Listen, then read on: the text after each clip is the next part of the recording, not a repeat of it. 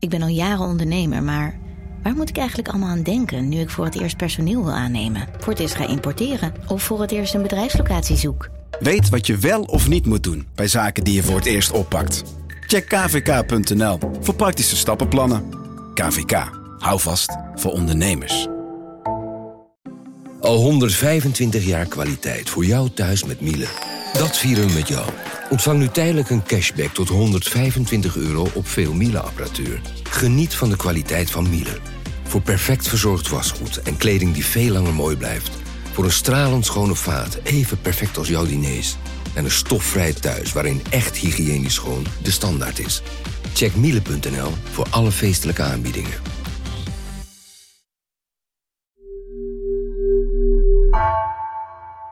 Dit is Marian dus. In de tijd dat ze zo gelukkig was. Dat is ook, ja, je kunt je nauwelijks meer voorstellen dat ze er zo uitzag. Met je Engeland. Ja, ik, zei, ik moet Mooi, hè? Engeland Ja. denken. Mirjam en ik zijn bij Merel van Kuijen, de vrouw die mijn vader mailde met vragen over de aanslag op het bandje in Rijswijk. Ze heeft een paar fotoalbums voor ons verzameld om te laten zien. Het is niet veel, wat bij elkaar geraapte beelden uit het huis van haar zus Marian. Marian was de vriendin van Willem van Putten, een van de slachtoffers van de aanslag. En dit is een van de zeer, zeer weinige foto's waar ze samen op staan. Willem en Marian. Deze heeft altijd bij ons thuis gehangen. Dat is Willem. Met het katje wat ze hadden. Ja. Goh, ik vind het toch wel gek om er dan zo'n beeld bij te hebben. Of gek? Het klopt echt helemaal Klopt met wel. hoe ik het eh, Ja. sinds de vorige keer in mijn hoofd Ik ook wel. Zo die grote haarbos inderdaad. Volle wenkbrauwen, lange Ja. wimpers. Ja, hè? Want wat je net zei, deze foto van Willem, die heeft dus altijd bij jullie thuis. Ja. In je, het huis van je ouders nog Ja. gestaan. Ja, die had ze meegenomen naar die kamer waar Marian en ik samen na haar eerste poging eh, uit het leven te stappen, die had ze gewoon bij zich. En die heeft daar altijd gehangen. En toen Marian het huis uitging, is die blijven hangen bij ons, bij, bij mijn ouders thuis.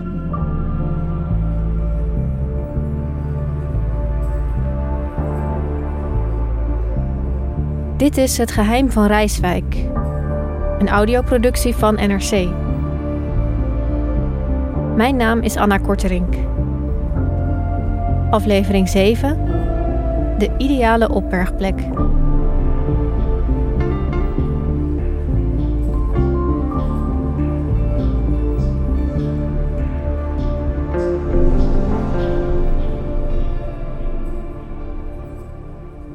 Marians eerste poging om uit het leven te stappen. Merel zegt het haast tussen neus en lippen door. Niet alleen omdat ze me er al eerder over verteld heeft, maar ook omdat de slechte psychische gesteldheid van haar zus een vast gegeven is geworden in Merels leven. Het is er de afgelopen 36 jaar altijd geweest. Depressie, psychoses. Sinds de dood van Willem is Marian snel achteruit gegaan. Somber, de- depressief. En niet in staat om werk of studie of iets op te pakken. Dus ze functioneerde wel, maar ze had, ze had toen al hele rare trekjes. Maar die hadden altijd heel erg betrekking op haarzelf. Ze had altijd rare ziektebeelden eh, die ze zichzelf inbeelde. Maar ik had toen nog niet in de gaten hoe ernstig het aan het worden was in haar hoofd, zeg maar. Want ik had het toen een beetje weggezet als, nou ja, het is nog wat eigenaardiger geworden. Maar ik had nooit kunnen vermoeden wat er al in haar hoofd eh, aan het gebeuren was, zeg maar. Ze geloofde toen al wel in, in vierde dimensies. En in, maar dat vond ik allemaal volstrekt logisch. Als iemand die je zo graag weer bij je wil hebben dood is, dan denk je... oh, nou, er is, een nieuwe, er is nog een dimensie, daar is hij. En ze was altijd al een beetje... Een, een, het is ook een oude hippie natuurlijk. Het was altijd al een beetje net even anders. Dus, dus ik had toen nog niet zo heel erg door hoe moeilijk ze, ze zat. Dit is dan zo'n beroemde foto toen Marian in coma lag. Want toen deden we niets anders dan eh, Wijn drinken. de hele dag wijn drinken. Wij kwamen echt, mijn hemel, begonnen een uurtje of twaalf. Toen begonnen we wel een uurtje of twaalf met, eh, met wijn drinken. Dat was een klein stukje lopen van dit kroegje naar eh, het ziekenhuis waar ze lag. En dan gingen we daar maar weer zitten. En dan een uurtje later mochten we weer even bij haar. En dan liepen we weer terug. Eh, en dat hebben we zo een maand of drie volgehouden. In 2002 gaat het echt mis met Marian. Het is een verhaal dat Merel met moeite vertelt. En het is ook moeilijk om naar te luisteren. Maar Merel vindt het belangrijk om wel te vertellen. Want dit is wat haar heeft gemotiveerd om mijn vader in april 2020 een mail te sturen.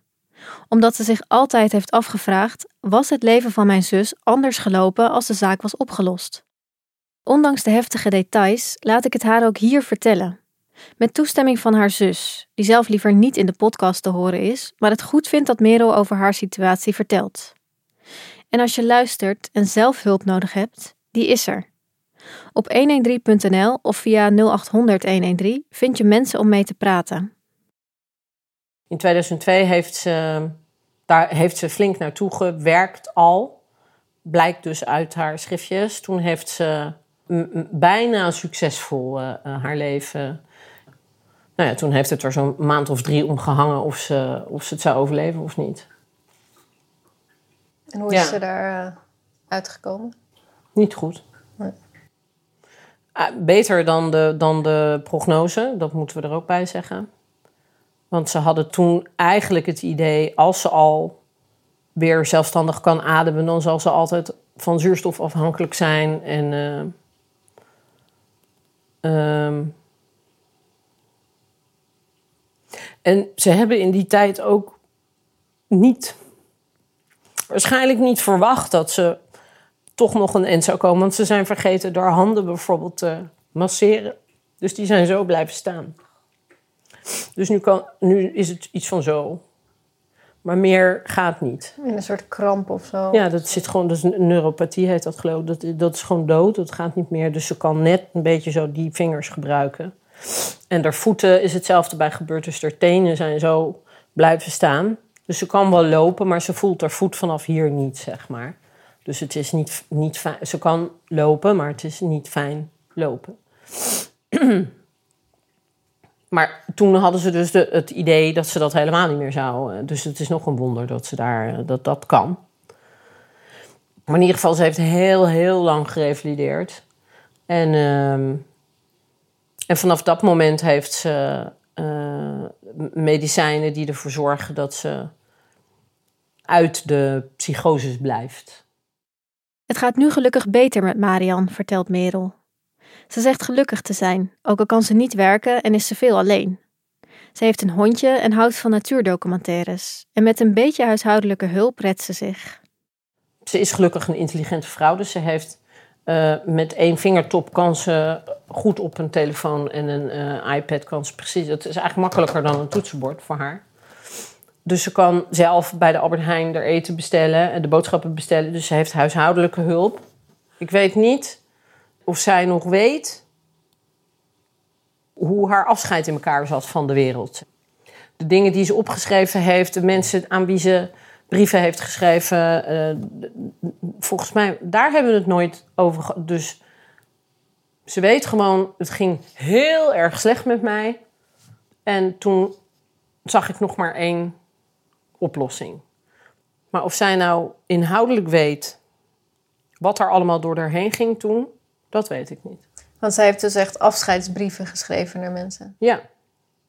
Ja, en zij heeft het ook uitgelegd, echt. Het, is, het was haar schuld. Dat heb ik de jaren daarna zo moeilijk gevonden. Zij dacht dat zij schuldig was aan de dood van Willem en aan uh, nou, nog veel meer nare misdrijven. Maar op de een of andere manier heeft ze het zo in de loop der jaren. Daarom denk ik dus ook, als er wel een dader was geweest, als er wel een soort van afronding was geweest, had ze het in ieder geval zichzelf niet gaan uh, uh, verwijten. Maar ze was er echt van overtuigd dat zij daar een belangrijke rol in, in had. Want hoe zat dat ook alweer? Wat dacht zij ook alweer dat er ja, ze had een connectie gemaakt met sociale academies. Ze zat op de sociale academie en een van de verdachten uh, die later een schadevergoeding heeft gekregen en een heleboel uh, stennis heeft geschopt dat ze opgepakt zijn, zat ook op een sociale academie. Dus daar heeft ze een linkje gelegd. Marian legde in een van haar banen dus een link tussen zichzelf en een van de verdachten, die ook op de sociale academie zat. Dat was Boyke F. Hij werd aangehouden en na een paar dagen weer vrijgelaten. Na zijn vrijlating vocht hij zijn hardhandige aanhouding aan. En er werd gesproken over, was het niet toch iets in de drugswereld? Nou, daar kwam natuurlijk door, door het onderzoek COPA en, en drugshandel en Bouterse... ehm, is ze ook die drugslijn is ze gaan denken dat zij dingen had gezegd. Ze blode overigens toen echt dat het een... een eh, hoe zeg je dat? Ze blode dus gewoon echt heel veel. En dat schreef ze overigens in de, in de boekjes ook wel eens van... misschien iets minder hasjes zou me ook kunnen helpen. Maar goed, doordat ze dat deed, dacht ze ook weer dat ze iets met drugshandel te maken had. En nou ja, zo, zo heeft ze dat. Ze heeft de sociale academies en de drugs en Bouterse. Dat heeft ze allemaal aan elkaar geplakt. En dan had ze ook nog een ontzettende hekel aan mijn zwager. De ex-man van haar eh, tweelingzus. Ook die is op enig moment de schuld gaan geven van eh, de dood van Willem. Maar dan weer in, in allerlei theorieën. Dus er, er lopen uiteraard in zo'n, in zo'n brein wat erg in de is van alles door elkaar. En daar, daar gaf ze zichzelf dan toch ook weer de schuld van. Omdat zij dan weer hem zou hebben aangezet. En nou ja, daar had ze ook weer allerlei lijnen in getrokken. En, en ik vind het dus nog steeds geen onwaarschijnlijke gedachte dat dat niet hoeft te gebeuren. Als je gewoon weet, die en die heeft mijn vriendje doodgeschoten om die en die reden.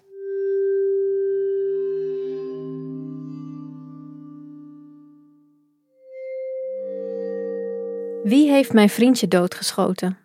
Marian is het in al die jaren nooit te weten gekomen. Ook de zus van Willem, Sietske, en Jelle de Beer, die de aanslag overleefde, hebben hierover nooit meer iets van de politie gehoord. Toch zijn de rechercheurs wel degelijk mensen op het spoor geweest, lees ik in hun rapporten. In het kader van het onderzoek werden door ons vele personen gehoord. In Nagenoeg alle gevallen wensen deze personen, uit angst voor eventueel tegen hen of hun verwanten gerichte represaillemaatregelen, anoniem te blijven. In de lange rij namen die in de politierapporten voorkomen, zijn er twee nog nooit genoemd. Ook niet door mensen die ik tijdens dit onderzoek heb gesproken. Maar anonieme getuigen wezen de rechercheurs op twee mogelijke schutters. Door meerdere personen werden aan ons de namen van twee mannen genoemd die als feitelijke daders betrokken zouden zijn bij de schietpartij te Rijswijk in de nacht van 7 op 8 maart 1985. Het betrof hier de namen van Bert Cornelis O., geboren te Marowijnen 9 januari 1942, en Wilgo Gerrit P., roepnaam Paul, geboren te Paramaribo 23 april 1947. Bert O. en Paul P., beide geboren Surinamers, maar woonachtig in Rotterdam ten tijde van de aanslag, worden door meer dan tien getuigen genoemd. Op 29 oktober 1985 werd aan ons meegedeeld dat O nogal plotseling en overhaast Rotterdam had verlaten en naar Suriname was afgereisd. Vrijwel gelijktijdig bleek ook P naar Suriname vertrokken te zijn.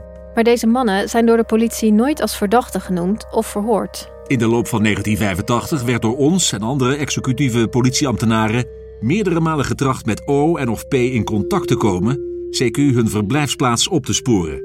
Deze pogingen bleven zonder het gewenste resultaat. De mannen zouden naar Suriname zijn vertrokken, kort na de aanslag op de band. Ik vraag me af of er later ooit nog pogingen zijn gedaan om ze op te sporen. In de documenten lees ik daar niets meer over en ook in krantenberichten vind ik niets over een aanhouding. Maar ik kom erachter dat een van de twee, Paul P., niet meer leeft. En de ander, Bert O., zou in Paramaribo kunnen wonen. Dat betekent dat hij misschien te vinden is.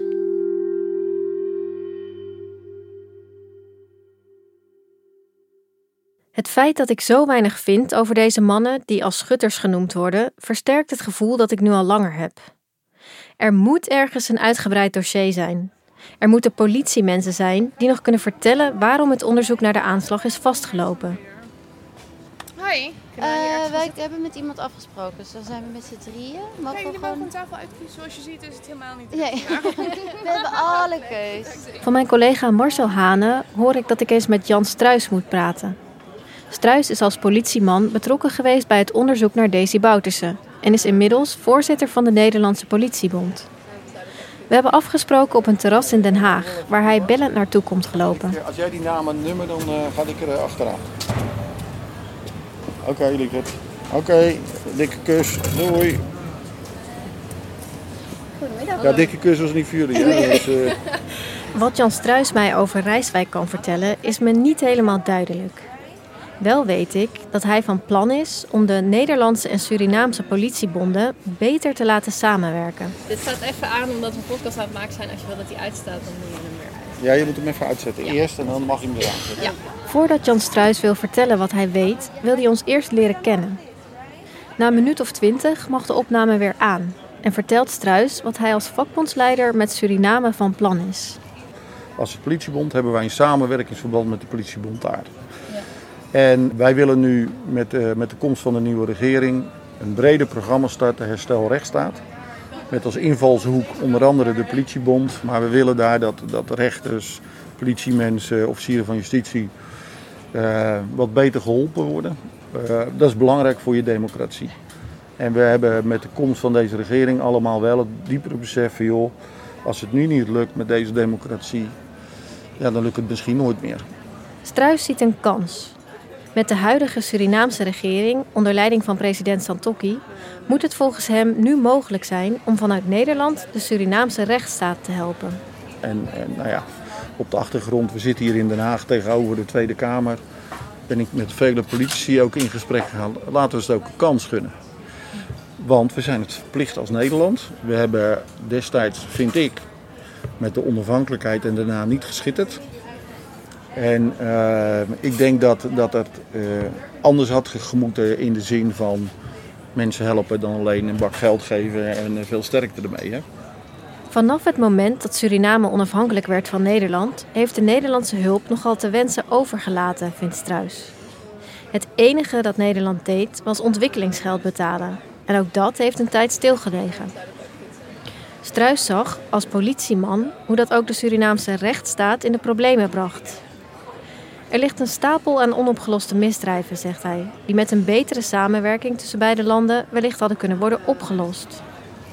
Vanuit daaruit zijn wij ook aan het spitten geslagen van joh, maar waar is het dan misgegaan? Dus wij maken een reconstructie van zeg maar, vanaf voor de onafhankelijkheid, tijdens de onafhankelijkheid eh, en daarna, wat is er nu allemaal gebeurd?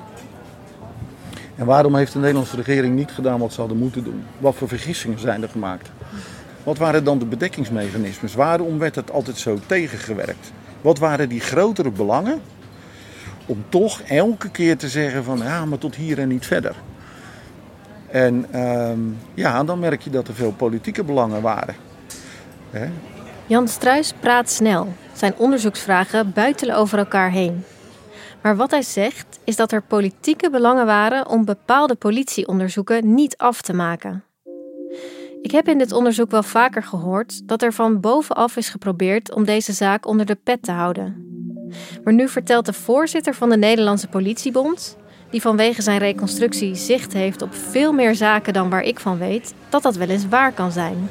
Het interessante is dat die dossiers wel zijn opgebouwd, maar nooit tot een vervolging hebben geleid. En, en nou ja, als je dan weer teruggaat naar, naar bijvoorbeeld de Rijswijkse moorden. Want, nou, ik, ik, kom, ik, ik ben nog van alle onderzoekers, die, wij hebben niet alle onderzoekers gesproken, maar een groot deel wel.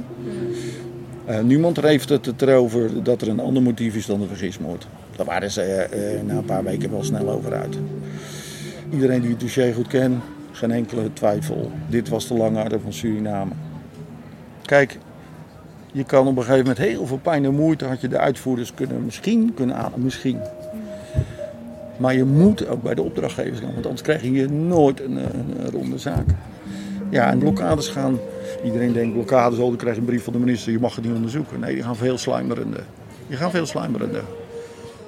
Struis heeft dus het idee dat er op een bepaald moment blokkades werden opgeworpen. Nou, het, begint natuurlijk dat, dat er uh, vanuit uh, allerlei hoeken mensen zeggen... nou, jullie zijn een end gekomen, hartstikke goed onderzoek. Maar ja, weet je, nu komen we helemaal in Zuid-Amerika uit of we komen daar uit. Ja, daar kunnen wij momenteel niet veel, dus we leggen het even op de plank. Nou, dan begint een vertragingsmechanisme. En even op de plank, dan gaan die regisseurs natuurlijk zeuren van ja... Hè, na een paar maanden kunnen we die weer, dan kunnen we die nog eens proberen. We moeten, hè, dan moeten daar nog onderzoeken, daar nog. Ja, nee, nee, het ligt nog te gevoelig. Laat het nog maar even. Nou, voordat je het weet zijn er, er van het team drie regisseurs ergens anders naar over verplaatst. En voelen mensen zich steeds minder betrokken.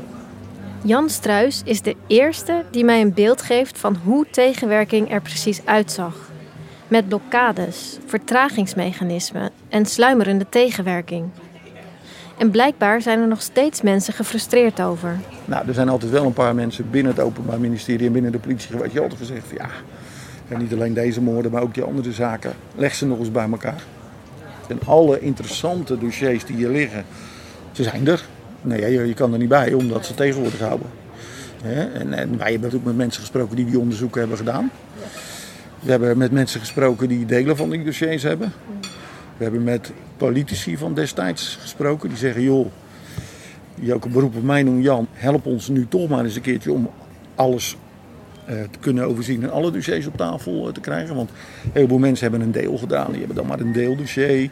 Eh, je moet je voorstellen dat de Rijswijkse moorden werden terecht. Eerst als gewoon een, moord, een ernstig moordonderzoek opgepakt op een regionaal niveau.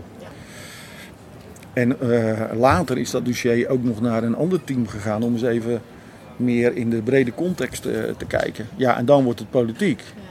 En dan zie je een, ene een slot op de deur gaan, staatsveiligheid, dit heeft hogere belangen. Staatsveiligheid. Dat had ik ergens wel verwacht, maar nog niet echt overwogen. Tot nu. Betekent dit dat de informatie over de Rijswijkse moorden misschien staatsgeheim is? Jan Struis vertelt mij dit nu, maar hoe weet hij dit? Nou, het interessante is dat uh, ik moet komen, dus niet mijn medewerkers. Twee, 30 keer dat het geheim is. En, uh, en dan vervolgens, uh, ja, ja, ja, dit mag je nog allemaal niet gebruiken, maar, en dan krijg ik een heel interessant verhaal. Hij legt uit hoe het gaat als zijn team gesprekken voert met politiemensen die iets geheims willen vertellen. Want kijk, alles is staatsgeheim. Het schenden van een staatsgeheim staat nog steeds gevangenisstraf op. Dus hoe krijg je nou de boel lopen? Kijk, uh, uh, ik zet hier een regisseur aan tafel die destijds het onderzoek heeft gedaan. Die gaat eens even vertellen wat zijn bevindingen zijn. Die kan het vergeten. Want die krijgt snel een berichtje van weet dat jouw dossier nog steeds onder de, uh, onder de grote noemer valt. Oké, dus de kans is groot dat de documenten die met deze zaak te maken hebben vallen onder staatsgeheim.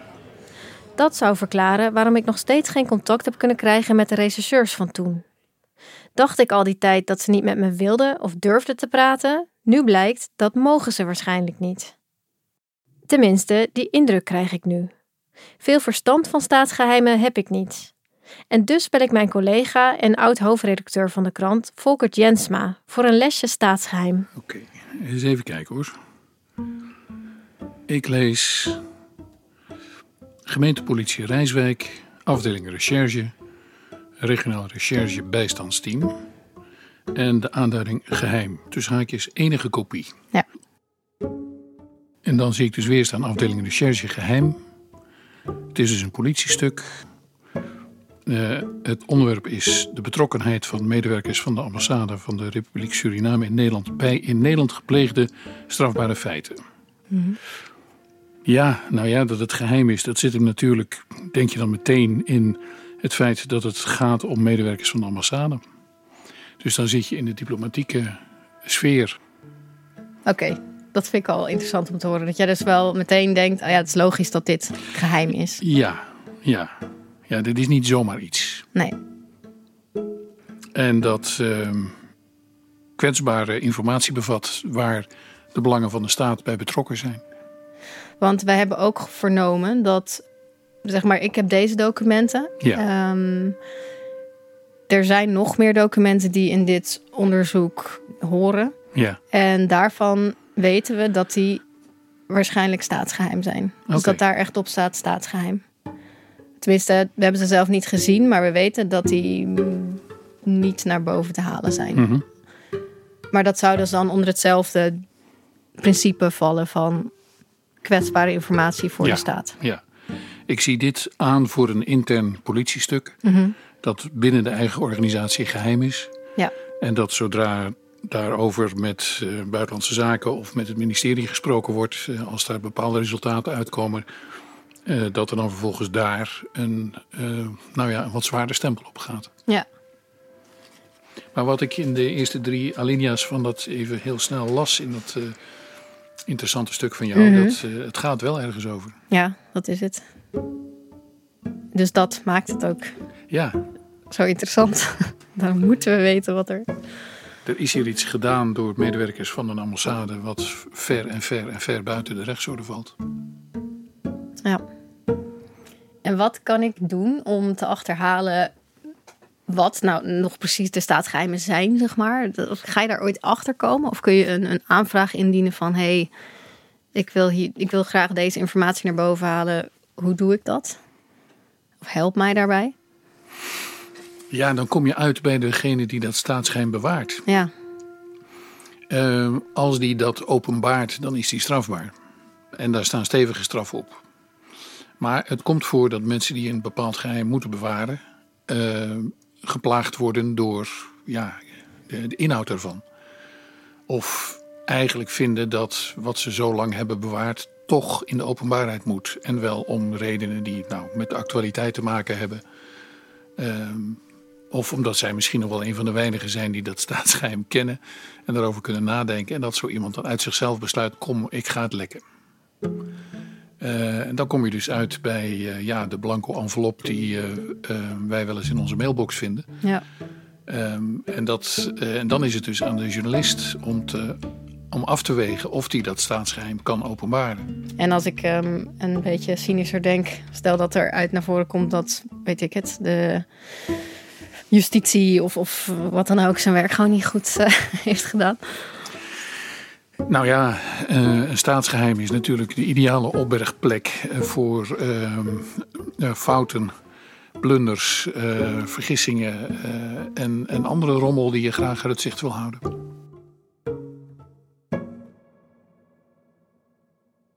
Als staatsgeheim een middel kan zijn om fouten te verbergen, zou dat dan ook kunnen gelden voor de Rijswijkse zaak? Zijn er blunders gemaakt waardoor het politieonderzoek in een geheim dossier beland is? Hoe kom ik daarachter? Hoe vind je overheidsdocumenten die niet openbaar zijn? Hallo. Hallo. We hebben een eh, afspraak om documenten te bekijken hier vandaag. Ja. En ehm, jullie hebben een bezoekerspas? Nee. Want jullie hebben een afspraak gemaakt via de mail. Of Ja, we hebben ehm, twee dingen. We hebben beperkt openbare stukken die we vandaag kunnen inzien. En wat, er zou een glazen hok voor ons gereserveerd zijn. Maar dan, Oh, eh, oké, wacht even. Ik zie jullie hier niet. Ik heb een afspraak gemaakt bij het Nationaal Archief in Den Haag en editor Jan Paul is meegekomen om te helpen. Online heb ik een heleboel dossiers aangevraagd, die mogelijk met de Nederlandse relatie met Suriname te maken hebben. Lang niet alles is zomaar te bekijken. Maar ik heb zelfs toestemming gekregen om één zeer geheim dossier in te zien.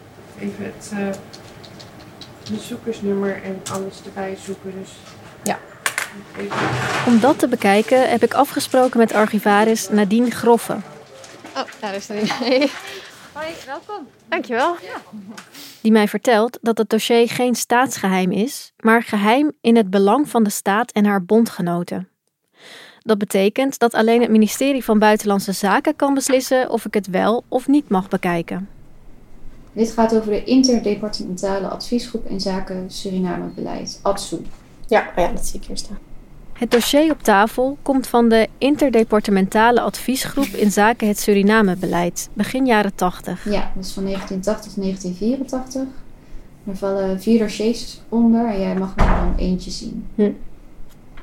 Waarom ik dit dossier wel mag zien, maar geen toestemming krijg voor de andere drie, weet ik niet. Maar onder toeziend oog van Nadine blader ik door deze beleidsdocumenten, met als voorwaarde dat ik er niets uit publiceer. In ieder geval blijft wat ik daar gezien heb geheim. Maar gelukkig heb ik ook dossiers opgevraagd die niet vallen onder die geheimhoudingsplicht. Jan-Paul en ik spitten door zogenaamde codeberichten, die aan het ministerie van Buitenlandse Zaken zijn verstuurd vanuit verschillende ambassades over heel de wereld. En we bladeren door brievenboeken.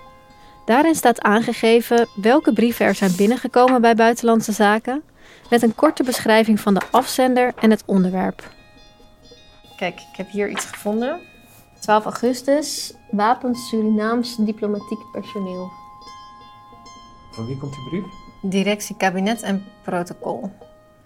Dit omvat niet alleen het faciliteren van ambassades en internationale organisaties en hun medewerkers. Van allerlei dingen. Dus dat zal wel eh, gaan over diplomatiek Surinaams personeel in Nederland. Waar dus wapens, die iets met wapens hebben. Dat is wel echt interessant. Dat staat ook in die documenten natuurlijk. Dat er die mensen van de ambassade wapens geleverd krijgen. In de politiedocumenten die ik heb staat beschreven hoe de politie in 1984 ziet dat er een auto met twee mannen bij de Surinaamse ambassade stopt. Ze hebben dozen en een metalen koffer bij zich. Als de auto later wordt aangehouden, verklaren de inzittenden dat ze wapens hebben aangeboden op de ambassade en dat er nog verder over onderhandeld zou worden. En hier, in het Nationaal Archief, zie ik dus dat er in 1983 al een brief is gestuurd naar het ministerie van Buitenlandse Zaken over wapens bij Surinaams diplomatiek personeel. Dat is dezelfde periode. Dus 83. Dus eigenlijk, als ze dingen bij elkaar hadden gelegd, hadden ze geweten dat mensen op de ambassade, want dat zijn de diplomaten natuurlijk, toch?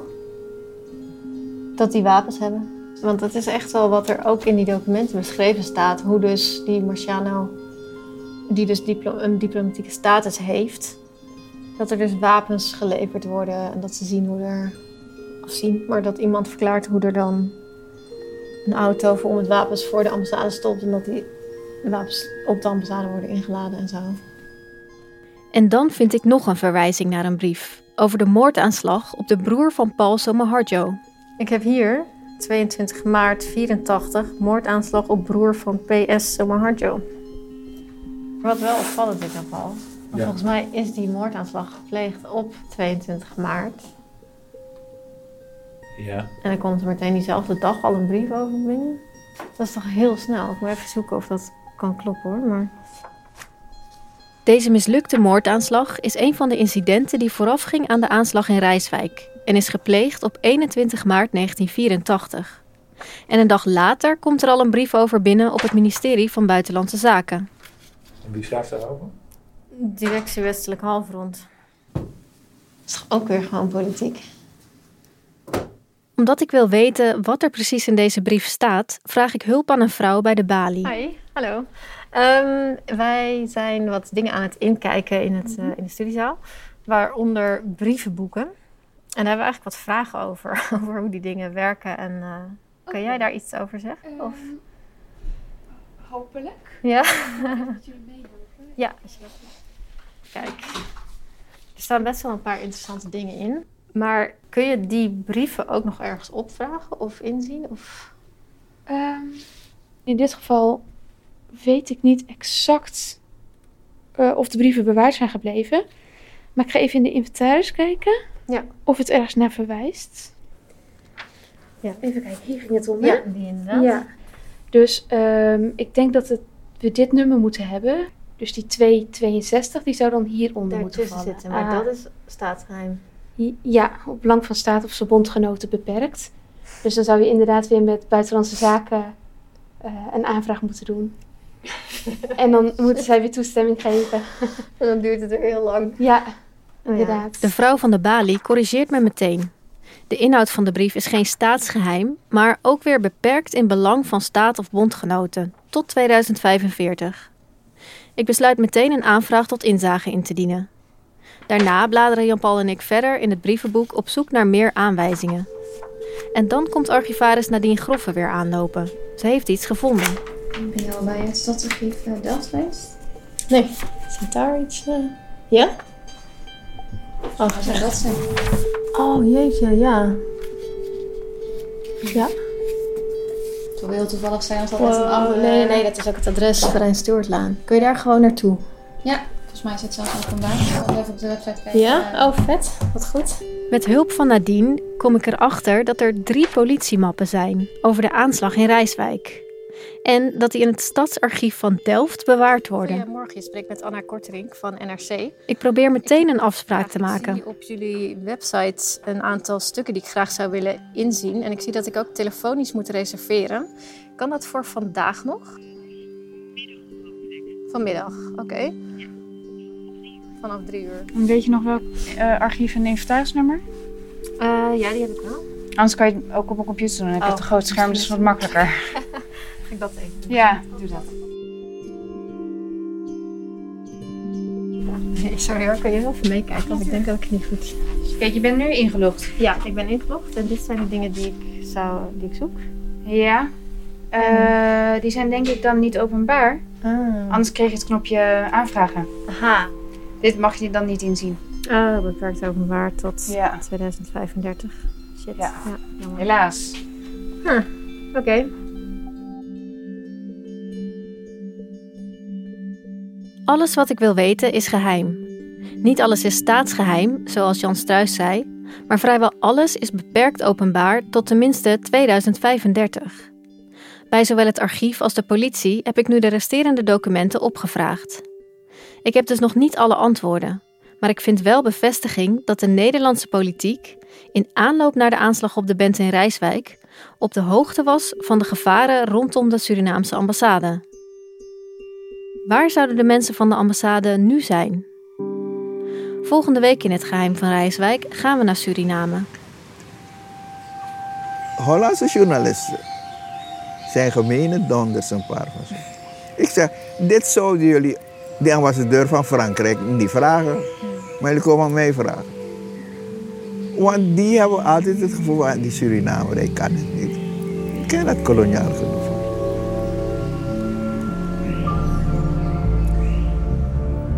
Dit is Het Geheim van Rijswijk, een podcast van NRC. Gemaakt door mij, Anna Korterink en Mirjam van Zuidam. De montage werd gedaan door Jan-Paul de Bond en de muziek door Rufus van Baardwijk. Eindredactie is in handen van Hans Budding. We hadden deze podcast niet kunnen maken zonder Anne Moraal, Wubby Luijendijk, Nina Jurna, Marcel Hane, Herman Staal, Guus Valk, Jos Kuijer en Ruben Pest. Wil je liever doorluisteren? Luister de volgende aflevering nu al in de NRC Audio-app. Je hebt hiervoor geen abonnement nodig. In deze podcast wordt een aantal namen genoemd. Ook van mensen die in gesprekken met betrokkenen of op basis van documenten als mogelijke verdachten worden aangemerkt. NRC heeft bij ieder van hen wederhoor gepleegd, mits zij nog in leven zijn. Als ze daar gebruik van wilden maken, krijgen zij in deze podcast de ruimte om te reageren. Hun reacties zullen in volgende afleveringen te horen zijn. Als het een overleden persoon betreft, is contact gelegd met de nabestaanden. Ook aan de verschillende instanties die in deze podcast voorbij komen, waaronder politie en justitie, is om een reactie gevraagd. Als zij daar gebruik van hebben gemaakt, is ook hun reactie in de podcast verwerkt. Technologie lijkt tegenwoordig het antwoord op iedere uitdaging. Bij PwC zien we dit anders. Als we de potentie van technologie willen benutten, kunnen we niet zonder een menselijk perspectief. Human-led, tech-powered noemen we dat. Ga naar pwc.nl.